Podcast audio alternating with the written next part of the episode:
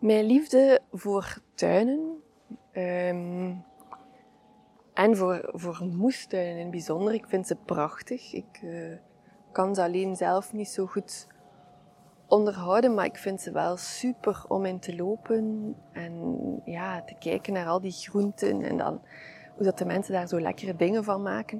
Ik vind dat zalig en dat doet mij enorm terugdenken aan mijn kindertijd. Um, en ik merk dat bij heel veel mensen ook dat een tuin dikwijls doet denken aan vroeger of als ze bepaalde planten en struiken daarin willen, die hun herinneren aan hun kindertijd. En bij mij was het, was het eigenlijk niet mijn eigen tuin. Ik kreeg daar ook wel een stukje tuin in, dus dat is wel heel fijn dat ik dat mocht. En mijn mama kende wel vrij veel van planten, dus de namen uh, waren er daar al wel wat, wat geïntroduceerd, zodanig dat ik het niet helemaal van nul startte. Maar de echte liefde voor voor tuin en moestuin is eigenlijk gekomen omdat ik een... Um, ik had een moestuin-opa. Een tuinopa en een tuinoma. Dat waren niet mijn echte opa en oma. Uh, die woonden in West-Vlaanderen. Die woonden vrij ver van, van uh, Gent af.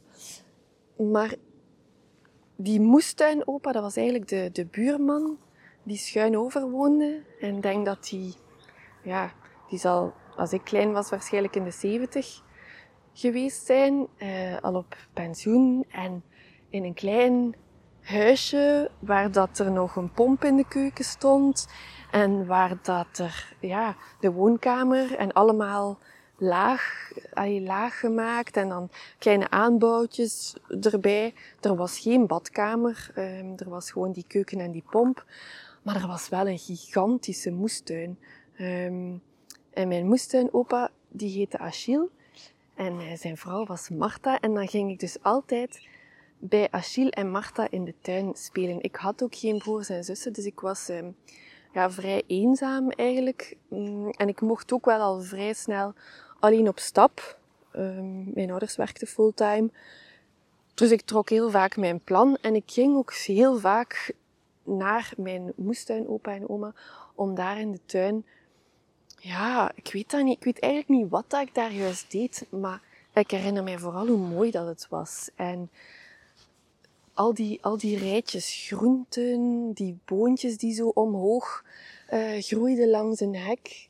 Uh, Achille die dan ja, in zijn tuinhuisje zat, zo'n zo een, zo fauteuil die daar dan zat, die uitkeek over heel die moestuin en zijn pijp dan stopte. En, en ik zat daar dan bij en dan ja, babbelden we. Ik weet niet, ja, ik weet het niet meer, ik herinner mij geen gesprekken meer, maar ik herinner mij wel de geur en de sfeer en ja, de schoonheid van die moestuin eigenlijk. En hoe fijn dat dat was om bij die mensen kind aan huis te zijn. Achille had zelfs een, ehm, een bruggetje gemaakt over de, over de gracht, want er lag een gracht tussen onze twee straten in, ehm, waar dat ik dan met mijn fiets of gewoon te voet over kon kon wandelen um, zonder dat ik in het water moest of zonder dat ik helemaal rond de gracht moest, moest wandelen tot aan het einde van de straat. Dus het was zo, ja, ik voelde mij wel bijzonder daardoor. En die mensen hadden altijd tijd, waren altijd thuis, waren altijd bezig. Het rook daar zo lekker. Ik kreeg daar dan iets om te eten of om te drinken. Ik mocht ook meehelpen om de, de groenten te verwerken. Dat was dan zo'n um, een soort molentje dat op een tafeltje werd gezet. En dan deed je daar de, de denk ik, in. En dan moest je dat dan in stukjes uh, hakken. En ik denk dat Marta dat dan verwerkte in de keuken of, of blanchierde, of ik weet niet wat ze dat allemaal noemen, um, om, om in een diepvries te steken, denk ik. Ik weet het niet juist. Maar dat was wel een hele, ja, bijzondere wereld om als kind, ja, ik voelde me daar enorm vrij en geliefd. En dat heeft ervoor gezorgd dat, dat tuinen ook wel, denk ik, een heel belangrijke plaats zijn gaan innemen in mijn leven. Um, ja, dus ik ben daar ongelooflijk dankbaar van. Voor dat zo was. Er waren daar ook heel veel dieren um, in, die, in, die, allee, in die garage, dan in die hokjes. En op, in, ja, in, in de, de, de, lente kwamen er dan 50 kuikentjes. 50 kleine mini-kuikentjes. Waar, dat, waar dat ik dan met ja, bewondering naar zat te kijken en tussen zat. En geleidelijk aan werden dat steeds lelijker kippen. Uh, van die dikke witte vleeskippen zeker, ik weet het niet. En op een dag waren die dan allemaal weg. Uh, ik stelde mij daar niet te veel vragen bij. maar toch, ja, het was wel... Het was ook een hard leven, want ik zag ook dat de konijnen die dan daar ook zaten, af en toe, um, ja, dat alleen hun vel nog uh, aan de muur hing. En dan kreeg ik een konijnenstaartje van Achille. En ja, dat was dan wel lief uh, dat hij me dat gaf. Dat was zacht, maar het zat daar wel zo'n beentje in. En ik vond dat eigenlijk ook wel maar een beetje akelig. Maar ja, het was mijn liefde gegeven, denk ik.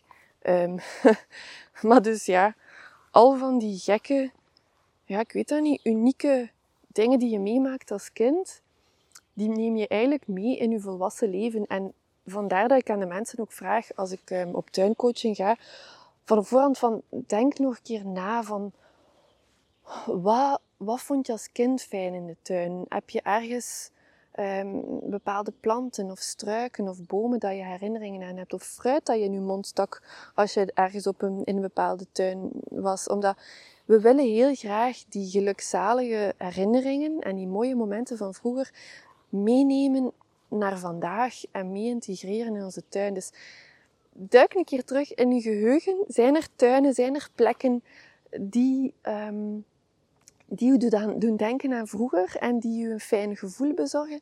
Misschien is het moment om die net ook in je tuin ja, terug te halen, omdat dat heel fijne dingen zijn om aan terug herinnerd te worden. En dat, ja, dat, dat is zo fijn om dat gevoel van vroeger, dat je zo ja, onbezorgd, onbezonnen in het leven stond en dat je je geliefd voelde en dat mensen voor je zorgden en aandacht voor je hadden, dat je dat meeneemt naar het nu en daarvan geniet. En ja, dat is echt, daarom is mijn werk ook zo fijn, omdat ik zet mensen voordat ik kom in gang. Ik geef ze wat huiswerk om beelden te verzamelen, om um, de sfeer die ze willen voor de tuin, maar ook alles wat ze in de tuin willen doen, om dat eigenlijk eens te gaan oplijsten en dan met elkaar te bespreken. Omdat um, meestal weet je dat niet eens van je partner, wat uh, hij of zij wil of droomt in een tuin. En als je het dan een keer kan, ja, kan, kan in beelden omzetten of aan elkaar vertellen, of je laat je kinderen bij wijze van spreken ook nog eens een tekening maken van hoe dat hun droomtuin eruit kan zien.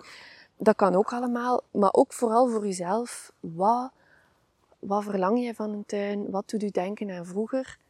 Ga daarmee aan de slag, speel daar een keer mee. En wie weet, um, het moet niet groot zijn, het kan iets klein zijn. Gewoon een bepaalde plant, een bepaalde bloem die doet denken aan vroeger. En dat kan zo'n extra troef zijn in je tuin. Dus ik hoop dat je zo'n klein gelukje vindt en dat je het kan integreren in je tuin. Um, bij mij is dat dat ik toch nog dapper blijf. Um, elk jaar wel wat courgette zaadjes in de grond stoppen omdat ik dan toch een beetje het gevoel van een moestuin heb. En wat, ik heb de boontjes die langs een hekwerk klimmen. Blijft, blijft mooi, blijft nostalgisch. Alleen heb ik de, ja, niet de kookkunsten om dan effectief ook die boontjes en die, um, die courgettes op een deftige manier klaar te maken. Ik vind dat gewoon niet leuk. Maar ik vind het wel zalig om te zien hoe dan vanuit zo'n klein zaadje zo gigantische planten en vruchten uh, kunnen groeien. Dus ik kijk er uh, met bewondering naar. En vooral het, uh, het esthetische aspect dan van de moestuin vind ik zalig om naar te kijken. En dan kan ik net zoals Achille deed in de, in de serre gaan zitten of in mijn moestuin op een bankje en genieten van alles wat daar groeit en bloeit en leeft. En um, ja, ze zijn helaas overleden, want we zijn inderdaad heel wat jaren verder. Um, maar ik denk mijn warm hart terug aan mijn moestuin opa en oma, Achille en Marta. En ja, ik wens ieder kind en iedere volwassene uh, zo'n herinneringen toe. Zodanig dat het leven niet alleen maar kommer en kwel is, maar er ook heel veel mooie dingen zijn om uh, aan terug te denken en naar te verlangen en uh, plezier van te beleven. Dus ja, even terug in het verleden duiken. Maar kijk, het kan helpen om ook vandaag en nu er iets moois van te maken. Gewoon omdat je terug integreert wat je toen gelukkig maakt. Dus heel veel plezier met het brainstormen, het terugdenken en het dromen. En uh, laat het mij misschien weten als je door deze aflevering iets, uh, ja, iets gedaan hebt of iets veranderd hebt of iets toegevoegd in je tuin. Of gewoon nog maar een leuke herinnering die terug boven kan. Dan zou ik het heel fijn vinden dat je mij een, eh, mailtje stuurt. Uh, om dat eventjes te zeggen. Of een fotootje. Maakt niet uit. Maar dan heb ik toch het gevoel dat ik, ja, dat ik iets in beweging zet met deze podcast. Want ik loop hier nu wel rond in mijn tuin. En ik kan jullie wel meenemen in mijn hoofd. Of in mijn herinneringen. Maar het is ook heel fijn als er een keer iets terugkomt. Waardoor dat ik... Ehm, weet dat het zin heeft dat ik dit doe. Ehm, en dat het ja, fijn is om te blijven delen. En dat je er echt iets, iets mee kan met deze verhalen en, uh, uit mijn tuin. Dus um, dikke merci alvast. Ik kijk er naar uit. Ik ben benieuwd. En dan uh, hoor ik je in de volgende aflevering. Bye bye!